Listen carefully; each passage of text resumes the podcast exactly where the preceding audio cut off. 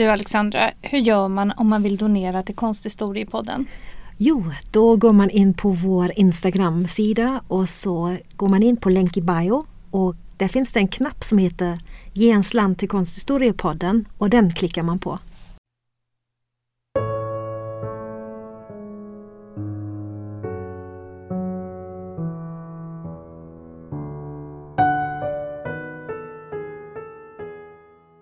Hej och välkomna till Konsthistoriepodden. Jag heter Alexandra Frid. Och jag heter Alexandra Härlitz och vi är så glada att få vara tillbaka med säsong två av den här populärvetenskapliga podden. Och vi är dessutom mycket glada att vi har fått ett hedersfullt stipendium för vårt arbete med denna podcast. Det är stiftelsen Gustav Adolf Bratts föreläsningsfond som har gett oss ett generöst bidrag för denna typ av föreläsningar vi gör för allmänheten i denna podd. Idag ska vi prata med en konstnär som flera av er önskade sig och som även vi verkligen intresserar oss för. Det är en konstnär som är på allas läppar i detta jubileumsår då det är hundra år sedan han gick ur tiden. Vi pratar självfallet om Anders son. Det är en konstnär som står för något som vi verkligen intresserar oss för, nämligen konstnärligt entreprenörskap i det tidiga industrisamhället. Och han var verkligen en skicklig entreprenör som föddes som oäkting till en ensam mamma i Dalarna och som dog som en av Sveriges rikaste män. Och däremellan ligger en karriär som utmärker sig genom kloka beslut i entreprenörsanda och ett sätt att lyhört anpassa sig till olika marknader. Det finns mycket att säga om son, Mest känd är han kanske för alla dalkullor och nakna damer som han målade. Men vi har valt ut ett verk som representerar just de nämnda aspekterna av hans konstnärskap som intresserar oss. Vi har valt verket Omnibus som finns i två versioner. Den första versionen är den som vi ska tala om idag. Den har kallats för Omnibus 1, målades 1892 i Paris och visades samma år på Salongen i Paris och finns nu för tiden på Nationalmuseum i Stockholm. Den andra versionen målades också 1892 i Paris och såldes 1893 på världsutställningen i Chicago till den amerikanska konstsamlaren Isabella Stewart Gardner i Boston. Det är bland annat den andra versionen av motivet som blev Sons biljett till en framgångsrik karriär på andra sidan Atlanten. Målningen Omnibus 1 är målad i olja på duk. Det är en målning som mäter 99,5 x 66 cm och den förvärvades 1985 av Nationalmuseum i Stockholm. Verket upplevs som en ögonblicksbild som utspelar sig inne på en hästdragen buss. Ett antal mörkt klädda figurer sitter på en rad i ett fordon som snabbt åker förbi storstadsvimlet som man får ett intryck av genom fönstren bakom figurerna. Denna målning är intressant på många sätt. Den avspeglar det nya samhället med moderniteter som elektriskt ljus och kollektiva färdmedel och har av samtida konstkritiker kallats för en ultramodern målning. Innan vi berättar mer om målningen och dess motiv och uttryck tänkte vi berätta om konstnären Anders Zorn. Den 18 februari 1860 föddes Anders Leonardsson i Mora i Dalarna. Modern, Grud Anna Andersdotter, träffade en tysk bryggare vid namn Leonard Zahn under en kortare anställning som buteljsköljerska på ett bryggeri i Uppsala. Relationen resulterade i sonen Anders som fadern Leonard erkände och lät bära hans tyska efternamn. Zahn betyder förresten vrede på tyska. Giftermålet med modern uteblev dock. Därav växte Zahn upp hos sin mors föräldrar i Yvraden i Dalarna.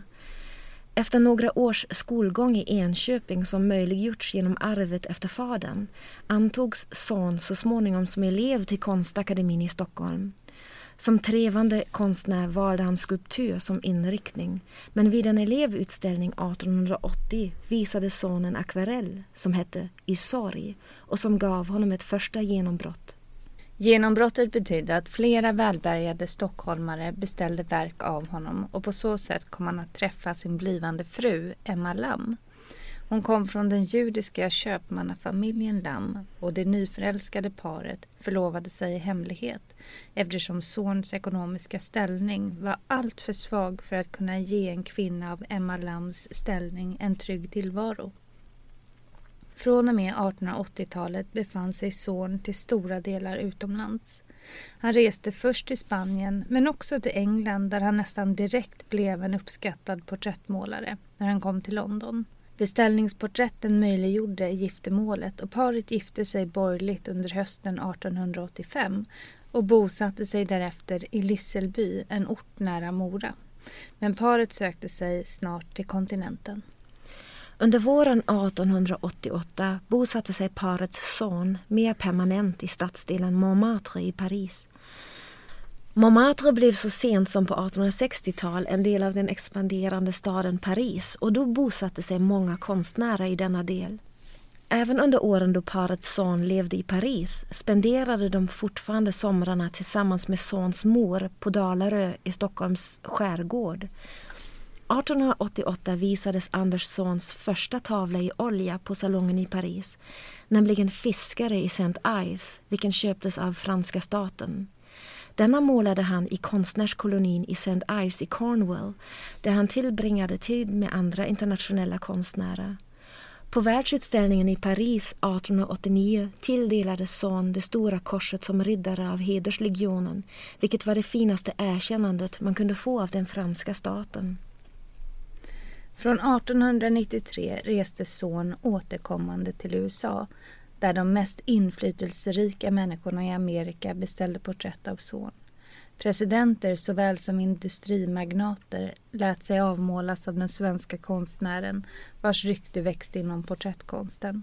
Han porträtterade då bland annat de amerikanska presidenterna Grover Cleveland, William Howard Taft och Theodore Roosevelt och världens första dollarmiljardär John D. Rockefeller. Vid denna tid betalade son cirka 4 000 dollar för ett sådant porträtt som i dagens pengavärde nästan uppgår till en miljon kronor. 1896 flyttade paret hem till Songården i Mora men förblev kosmopoliter livet ut. I flera motiv skildrade Son hembygden såsom i Midsommardans från 1897 som idag finns på Nationalmuseet. Det var inte bara motiven som dels ändrade karaktär, parets roll som lokala mecenater blev även bidragande till bygdens utveckling och Mora folkhögskola finansierades delvis av Sorns. Han fortsatte med sina resor fram till sin död den 22 augusti 1920. Han var då en av Sveriges rikaste personer. Men nu är det dags att prata lite mer om konstverket Omnibus som vi har valt ut. Ja, när man tänker på Son tänker man mycket på England där han vistades först. Men han tillbringade faktiskt en lång och viktig tid i Paris. Där målade han, i enlighet med vad som var modernt i Paris på denna tid, ett antal storstadsmotiv som visar honom som en skicklig samtidsskildrare. Omnibus var Anderssons stora projekt under vintern 1892. Utifrån titeln förstår vi att vi befinner oss på en hästomnibus som var ett tidigt färdmedel i kollektivtrafiken. Det var hästdragna droskor som utgjorde under 1800-talet den första linjetrafiken i städerna, alltså något som var väldigt modernt. Begreppet omnibus betyder för alla på latin och det är just det vi ser även i Sons målning. Det är en salig blandning av passagerare i storstaden vi ser både kvinnor och män som är klädda i olika typer av klädesplagg. Vissa bär enkla kläder, som arbetaren i den svarta skärmmössan. Andra är mera eleganta, som mannen längre bort till höger med den höga hatten. Eller den andra kvinnan från vänster som bär en fjäderboa och en liten hatt eller en coif, en hårdekoration av exempelvis färgade band, flår eller fjädrar. Kvinnan närmast oss håller i ett stort fyrkantigt paket som vi betraktare ser ovanifrån vilket suggererar att vi är mitt inne i scenen och står på samma omnibus som de avbildade sittande figurerna. I den andra versionen av målningen som nu för tiden finns i Boston där är lådan i kvinnans knä runt. Det är en rund hattask med en läderrem med ett spänne. Det är i denna detalj de två versioner är enklast att särskilja från varandra. Det är Andersson själv som har identifierat kvinnan som en modist, alltså en hattmakare. I ett brev beskriver Zorn figurerna som han återgav i målningen. Arbetaren som trött efter dagens slit insomnar mot sin vackra obekanta grannes mjuka skuldra. Den snälla modisten i förgrunden som får en flik av elektriska ljuset på sitt ansikte från mitten av boulevarden tycker jag är en väl funnen typ för den strävsamma, ärliga och goda arbetarklassen. I brev har Son även berättat om den uppgift han hade formulerat för sig själv. Han ville experimentera och måla interiören av en omnibus på kvällen med elektriskt ljus som blandade sig in i leken. Han ville undersöka samspelet mellan olika naturliga och artificiella ljuskällor som var ett fenomen vars återgivning många konstnärer i slutet på 1800-talet intresserade sig för. De olika sorts ljuskällor som fanns i slutet på 1800-talet vid sidan av varandra med sina olika ljuskvaliteter blev en spännande utmaning. Konstnärer som Son studerade med glädje hur det modernaste ljuset av alla, det elektriska ljuset, interagerade med traditionella ljuskällor som paraffinljus och gaslyktor eller skymningens naturliga ljus. Just under åren i Paris utforskade Son olika ljuskällors samspel i ett antal målningar. I målningen Natteffekt, som Son målade 1895 och som idag finns på Göteborgs konstmuseum, testade han exempelvis hur det elektriska ljuset från ett upplyst nattcafé strömmar ut på trottoaren och möter ljuset från gatans gaslyktor. Omnibus var ett av Zorns mest arbetsamma verk under vintern 1892. I brev berättade Zorn hur tidskrävande uppgiften blev. Jag fick göra många resor med omnibussen från Montmartre innan jag fick min idé klar i huvudet och sedan under arbetet. Man får alltså tänka sig arbetsprocessen som sådan, att han gjorde en mängd bussresor där han studerade belysningen i vagnen och ljusets spel på ansiktena, ibland i dagsljus, ibland kvällsbelysning. Till slut bestämde han sig för vinterns eftermiddagsljus. Vi ser att det enbart finns lite naturligt ljussken kvar som lyser upp scenen på omnibussen. Däremot ser vi det gula skenet av artificiellt elektriskt ljus som lägger reflexer på figurernas ansikten och kläder och får paketet i kvinnans knä att lysa upp förgrunden. Man kan ju fundera på varför San valde att lägga till den stora lådan i kvinnans knä. När man undrar om detaljer i en målning och varför de finns kan man alltid hålla för detaljen eller kisa lite och se vad det gör med vår upplevelse av bilden. I detta fall märker man att paketet inte bara är en detalj som ska hjälpa till att skapa en genuin scen från eftermiddagens trängsel av trötta kroppar i kollektivtrafiken, utan det behövs av kompositoriska skäl. Lådans ljusa yta anknyter till det gula ljuset som vi ser bakom fönstren i bakgrunden. Där ser vi det starka elektriska ljuset från kaféerna och butikerna som även strömmar ut på trottoarens vimmel och storstadsliv medan den centrala raden av fem figurer på omnibussen är målad i mörka, huvudsakligen svarta nyanser betonas den diagonala kompositionen genom det belysta paketet i förgrunden som genom sin färggivning anknyter till den gul-grå-vita bakgrunden. Ytterligare ett praktiskt problem som Son fick tackla var att förhållandena, inte minst ljusförhållandena, under en bussfärd var svåra att återskapa i ateljén. När bussen rör sig genom staden förändras ju också ljuset i vagnen hela tiden. Man förstår att det måste ha varit svårt att utifrån skissmaterial och minnet skapa detta flyktiga och livliga ljusspel som son gestaltar just i denna målning. Han gjorde många studier i blyerts och tusch och även i studier i olja som fokuserade just på belysningsaspekten. I ett brev beskrev han sitt arbete i ateljén. En liten glimt dagsljus genom en springa fick tjäna som elektriskt ljus i ateljén. Han hade alltså inget starkt elektriskt ljus i sin ateljé och behövde imitera denna ljuskällas effekt genom improvisation. Där är vi på väg in i nästa aspekt som man kan lyfta, nämligen hans ateljéarbete och det stilistiska. De lösa och lätta penseldragen som son använde för att måla denna komposition suggererar en livfullhet och rörelse i denna scen av storstadslivet. Samtidigt får oss dessa penseldrag att tro att scenen som utspelar sig framför våra ögon har målats lika snabbt som målningens snapshotskaraktär antyder. Vi får intrycket att Son hastigt fångade ögonblicket med oljefärgen på duk när han i själva verket arbetade under en längre period med den. Och detta inte bara på plats i omnibussen utan även i ateljén. Det är denna snapshot-karaktär av ett vardagligt ögonblick som kopplar verket till den franska impressionismen som också hade ett stort intresse i återgivningen av ljuset och färgerna under ljusets påverkan.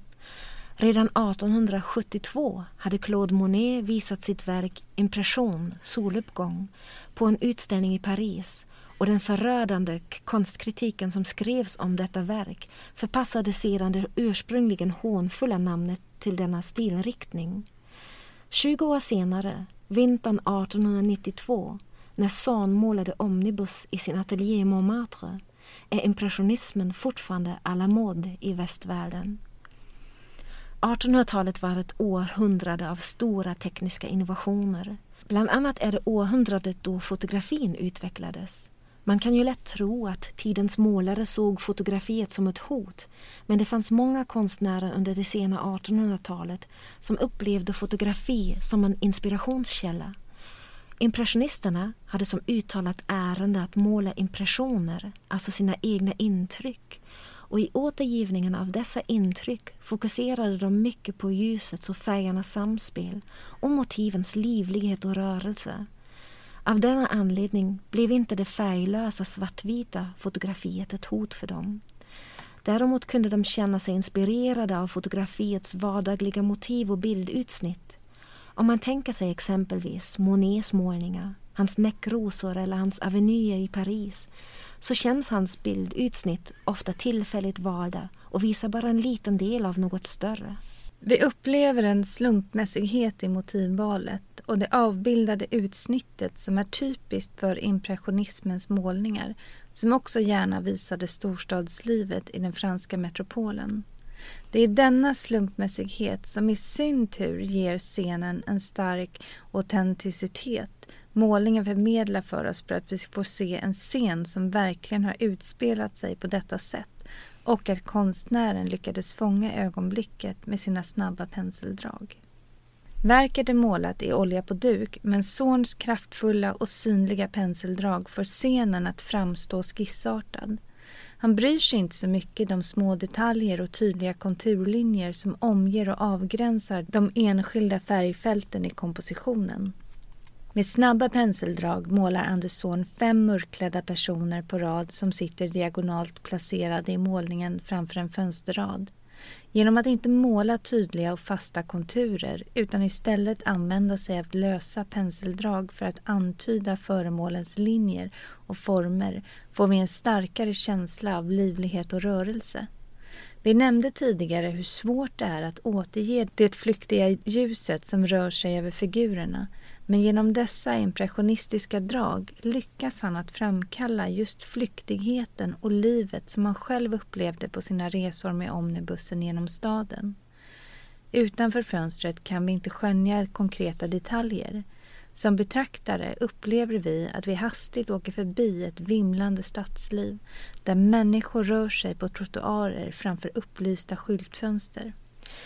Men även om Son var ute efter att skapa liv och rörelse i scenen får den inte enbart återges diffust för då kan det bli en jobbig förnimmelse. Ögat behöver något att vila på, lite stabilitet, något stadigt i kompositionen. I Sons målning får vi denna stabilitet i kvinnan i förgrunden och inte minst i hennes hand som greppar paketsnöret. Hennes fingrar håller hårt i det antydda snöret och håller på så sätt paketet på plats på hennes lår under den skumpande och säkert stötiga färden genom staden. Hennes fasta grepp markeras genom den klara svarta skuggan som handen kastar på lådans yta vilket ytterligare betonar det kraftiga elektriska ljuset som faller på hennes hand. Man kan nästan säga att denna detalj i den livliga kompositionen är en sammanfattning av målningens tema ljus och skuggspelet. I alla fall är det denna stillsamma detalj i målningen som ger en viss stabilitet åt den rörliga kompositionen. I skildringen av hennes hand och dess ljus och skuggspel finns det något sensuellt. Något som påminner oss om det mänskliga i denna målning. Impressionisterna målade gärna det pulserande livet i metropolen Paris och Son ansluter på så sätt motiviskt till denna stil. I denna målning får vi dock en något ambivalent bild av det moderna livet i storstaden. Vi får uppleva den nya linjetrafiken i den elektriskt upplysta staden som är markörer för modernitetens bekvämligheter. Samtidigt finns det i Zorns återgivning också ett mänskligt perspektiv på storstadslivet med alla dess innovationer. Omnibussen är fullsatt och får oss att uppfatta storstadens mängder av människor. Ändå förstår vi utifrån kvinnans ansiktsuttryck och den spända handen som håller fast det stora paketet ensamheten och isoleringen i storstaden. De fem figurerna är trots olika samhällsklasser alla svartklädda vilket understryker deras anonymitet och utbytbarhet. I Sons gestaltning och motivet uppenbarar sig den moderna storstadens paradox. I konstlitteraturen nämns ofta Sons skicklighet som skildrare av ljus. Man har dessutom också lyft hans förmåga att måla konstverk på ett sätt som döljer de ansträngningarna som ligger bakom. Att han har en så lättsam linjeföring. Det är dessa två kvaliteter som vi även ser i etsningarna som Son skapade under åren i Paris. Även målningen Omnibus finns reproducerad av Son själv i ett antal grafiska blad där motivet utifrån tekniken förstås är spegelvänt. Etsningarna ska vara utförda i Sons ateljé på Boulevard de Clichy i Paris under våren 1892. Alltså samtidigt som han arbetade med den andra versionen av målningen. I etsningen är hattasken i förgrunden också rund som i den andra målningen. Många av 1800-talets målare anlitade grafiker som översatte deras målningar i grafik. Grafiken hade då den svåra uppgiften att ta fram ett verks karaktär genom mediets alla möjligheter. Son reproducerade sina verk själv i etsningar. Det är just under åren i Paris då Zorn verkligen etablerade sig som en av tidens ledande grafiker. Hans skicklighet som grafiker innebar att han själv kunde översätta sina storformatiga oljemålningar till grafiska blad som var lätta att sprida och som gjorde hans verk ännu mer tillgängliga. De kunde reproduceras i tidskrifter och tidningar och kunde på så sätt bli sedda av en större publik. Om man zoomar ut lite kan man se Zorns grafiska arbeten i den internationella kontexten. Under 1800-talet skedde nämligen både en renässans av ättningskonsten och av den holländska barockkonstnären Rembrandt. Båda dessa berördes även Andersson av. Det så kallade Etching Revival var en internationell företeelse som varade ungefär från 1850 till 1930. Under denna tid blev grafiska tekniker mycket populära samtidigt som en stark marknad för samlare utvecklades där de populäraste konstnärerna kunde uppnå höga priser med sina grafiska alster. 1800-talets återupptäckt av etsningen innebar en påverkan av Rembrandt som är svår att överskatta. Under tidigare århundraden hade man skilt på målare och grafiker och grafiken hade traditionellt sett lägre status. Men under 1800-talets återupptäckt av etsningskonsten blev skillnaden obetydlig då det var många målare som lärde sig grafiska tekniker som de kom att använda sig av. Rembrandt, som ett 1600-tals exempel på denna dubbelroll som målare och grafiker, blev lyft i debatten om reproducerande och originaltryck Rembrandts grafiska verk blev samtidigt tillgängliga och cirkulerade på ett betydande sätt och i många debatter lyftes hans etsningar som exempel för personliga, uttrycksfulla och originella verk. På detta sätt kom Rembrandts kreativitet i användningen av mediet och hans teknik att inspirera 1800-talets grafiker som son Redan när Son utförde sin första etsning i början på 1880-talet visade han intresse för Rembrandts teknik och han kom att utveckla den utifrån detta intresse och den samtida litteraturen om etsningskonsten som fanns att tillgå. Den spontana och kraftfulla stilen som Son kom att utveckla i sina grafiska arbeten sägs sedan även ha påverkat hans måleri. 1800-talets Rembrandt-uppsving var inte enbart begränsad till etsningskonsten. Också i måleriet inspirerades konstnärer av den holländska barockkonstnärens medel och tekniker.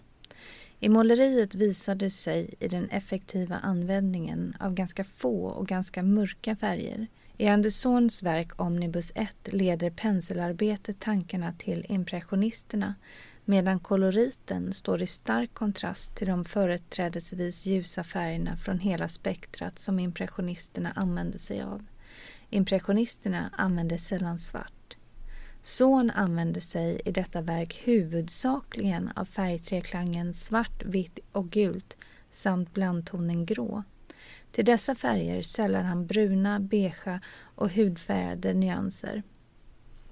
De få färgerna har sin grund i det gula skenet av det elektriska ljuset som reflekterar i figurernas svarta klädesplagg. Denna första version av målningen Omnibus visades 1892 på Salongen i Paris och fick ett positivt mottagande. Den samtida konstkritiken beskrev verket som en ultramodern målning med en önskvärd impressionism och en förvånansvärt säker hand. I direkt anslutning till den första versionen verkar Andersson ha gett sig i kast med den andra versionen av målningen som kom att resa till USA och visas på världsutställningen i Chicago där Son etablerade sin amerikanska karriär. Vi får nog berätta lite mer om 1800-talets världsutställningar och deras betydelse. 1800-talet är ju det århundrade då industrialiseringen framskred med raska steg. Men det är även nationsbyggets stora århundrade. Och båda dessa aspekter förenades i världsutställningarna. Den första världsutställningen genomfördes på det så kallade Kristallpalatset i Hyde Park i London 1851 och sedan följde fler och fler utställningar på olika platser i hela västvärlden. Det blev helt enkelt ett viktigt forum för att visa upp sin nation på bästa sätt och tävla mot de andra nationerna i dessa ramar.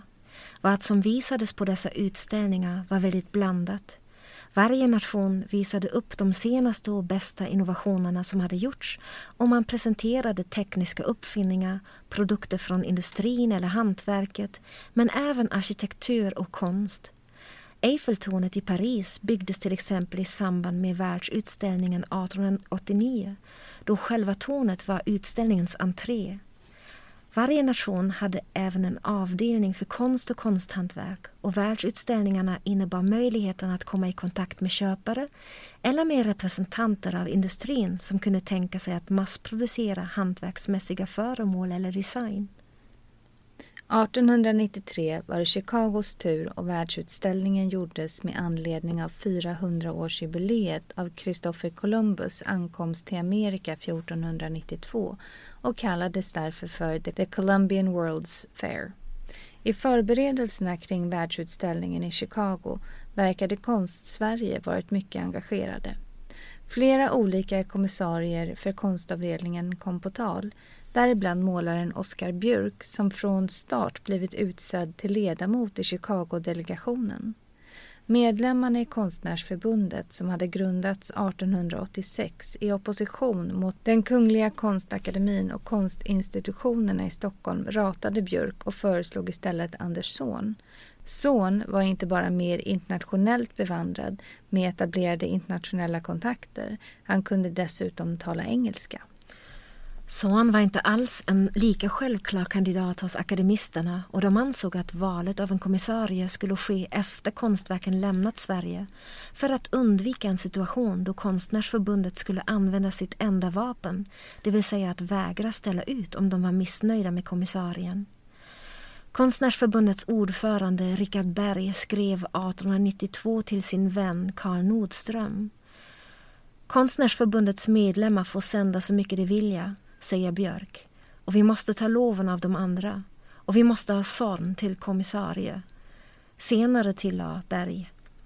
Jag intrigerar nu jävligt för att skaffa oss succé i Chicago. Nordström svarade i samma anda och framhöll att det är nog klokt att ta ledningen i Chicago-utställningen. Ska vi vara med så ska vi naturligtvis också dominera. Efter diskussioner och diverse utspel valdes Zorn till slut till kommissarie i november 1892 och akademisterna fann sig strax till rätta med det här beslutet. Det visade sig att Zorn hade en genomtänkt plan och att han genomförde den med fast hand. Redan i januari 1893 begav sig Zorn via London och Liverpool på skeppet Etruria över Atlanten för att börja sitt arbete i Chicago. Omgående knöt Zorn viktiga kontakter och nätverkade med rätt människor som sen skulle bidra till den svenska avdelningens framgångar. Parets son verkar ha försökt att öka amerikanernas intresse för svensk konst och utställningen blev en stor finansiell framgång för den svenska avdelningen.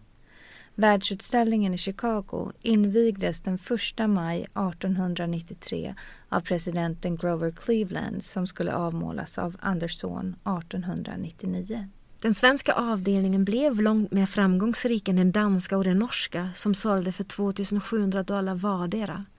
Den svenska avdelningen sålde för 30 000 dollar varav Son, som förvisso hade flest verk i utställningen, sålde för hälften av summan till prestigefyllda familjer som Vanderbilt, Deering, Yerkes och Williams. Dessutom fick Son utöva hotellmagnaten Potter Palmas frus porträtt, beställningar som uppskattats till ytterligare 10 000 dollar. Med dessa resultat kunde man konstatera att utställningen blev triumfartad för både konst-Sverige såsom Son. I augusti 1893 skrev Son ett brev till Göteborgs mecenaten Pontus Furstenberg där han själv beskrev utställningen som en stor framgång och skildrade hur The Society of American Artists har fått låna hela avdelningen för att ställa ut den i New York under januari och februari 1894. Son skrev Vår konstutställning har storartad succé. Den sättes först av alla nationer de konstnärer som funnits här och konstkommissarierna började genast vid utställningens öppnande taga för vana att stämma möte med sina vänner i Swedish Section of Fine Art Building eller först ta dem dit. I utställningen i New York 1894 visades alla de svenska bidragen från världsutställningen på The Society of American Artists.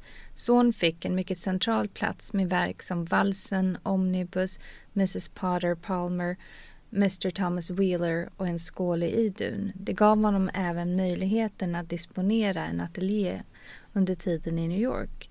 Son var mycket skicklig som entreprenör och nätverkare och det finns ingen tvekan om att den svenska utställningen i New York var helt och hållet hans förtjänst. Dessutom etablerade han sin egen karriär i USA genom världsutställningen i Chicago 1893. I eftermälet av världsutställningen fick Son en hel del kritik för att han framhållit sig själv och sin egen framgång mer än andras.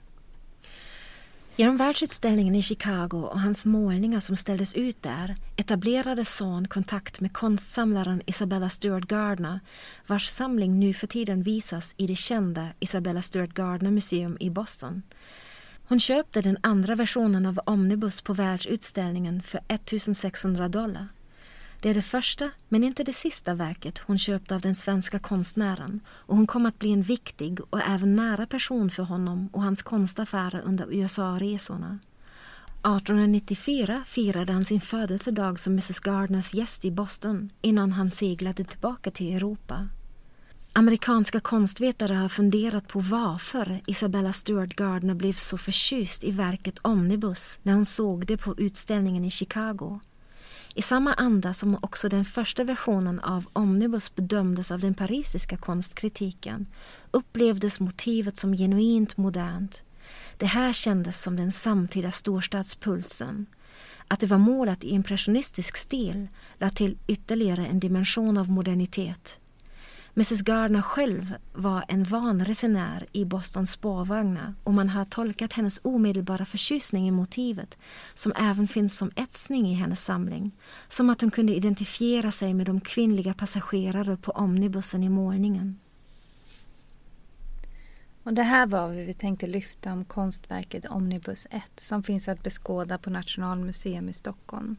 Son var en mycket skicklig målare i både akvarell och olja men likaså en talangfull grafiker som hade motiviskt och uttrycksmässigt sett många strängar på sin lyra. I Sverige tänker vi kanske mest på hans nationalromantiska motiv från Dalarna som hans mest kända tavla Midsommardans när vi hör namnet Anders Zorn. Zorns verk var dock inte begränsade till nationalromantikens spektrum. Samtidigt som han målade dessa svenska motiv utvecklade han en internationellt gångbar stil som kom att nå stor popularitet på båda sidor om Atlanten. I detta avseende är hans arbete jämförbart med samtida målare som amerikanen John Singer Sargent och spanjoren Joaquin Sorolla. Son skapade sig ett gott rykte som porträttmålare under sina första år i Paris samtidigt som han också utvecklade de impressionistiska egenskaperna i hans måleri. I de många uppdrag som han utförde av medlemmar i överklassen, amerikanska presidenter samt svenska kungligheter använde han lösa och snabba penseldrag som gav ett livfullt intryck av den porträtterade. Även hans skicklighet att imitera lyxiga material som päls med bara få breda penseldrag bidrog till hans popularitet som porträttmålare. Hans skicklighet att måla material syns även i Omnibus där vi i alla klädesplagg som är målade i olika mörka nyanser förnimmer ändå de olika formerna och materialen. Till exempel fjäderboan som är antydd genom de enkla vågiga gula penseldrag som utgör ljusets reflexer i det glansiga materialet. Så medvetet och kraftfullt som han satte sina penseldrag på duken så smarta och effektfulla var även hans nätverkande och hans skicklighet när han etablerade sina relationer till beställare och nya marknader. Det var vad vi ville säga om Anders Schons Omnibus 1. Vi hoppas att ni fortsätter att lyssna på oss och om en månad så kommer nästa avsnitt. Och som vanligt blir verket en överraskning. Vilket konstverk det blir, det får ni se då.